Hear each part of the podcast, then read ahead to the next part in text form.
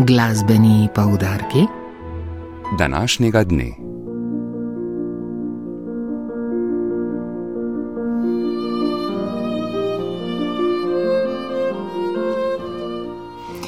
Na vrsti je izbor raznolikih koncertnih dogodkov, ki jih lahko obiščete danes. Začnimo z dvema večeroma z mladimi pa ustvarjalci. V mednarodnem glasbenem ciklu Mladi virtuozi boste nastopili Ana Birsa Krušec in Anteja Poljak.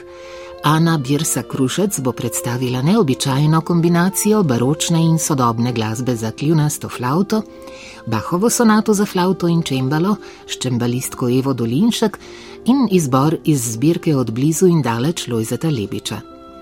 Mezzosopranistka Anteja Poljak bo svoj del nastopa s pianistom Viktorjem Čižičem prav tako začela z barokom, Zarijo Almirene iz Hendlove opere Rinaldo. Nadaljevala s samospevi Wolfa Ebna Foreja ter arijo Meyerbeerjevih Hugenotov ter Palomino pesmijo iz Barbierijeve Sarsuele er Barberillo de Lava Pies. Večer v Viteški dvorani Križank se bo začel ob 19. Pol ure pozneje bo violončelist Sebastian, Sebastian Bertoncel v dvorani Trija Lorenz Akademije za glasbo na Kongresnem trgu predstavil zgodbo o lesu, program del za violončelo solo. V njem bo izvedel glasbo Baha, Diporja, Franšoma, Pjatja, Majnardija in Kasada.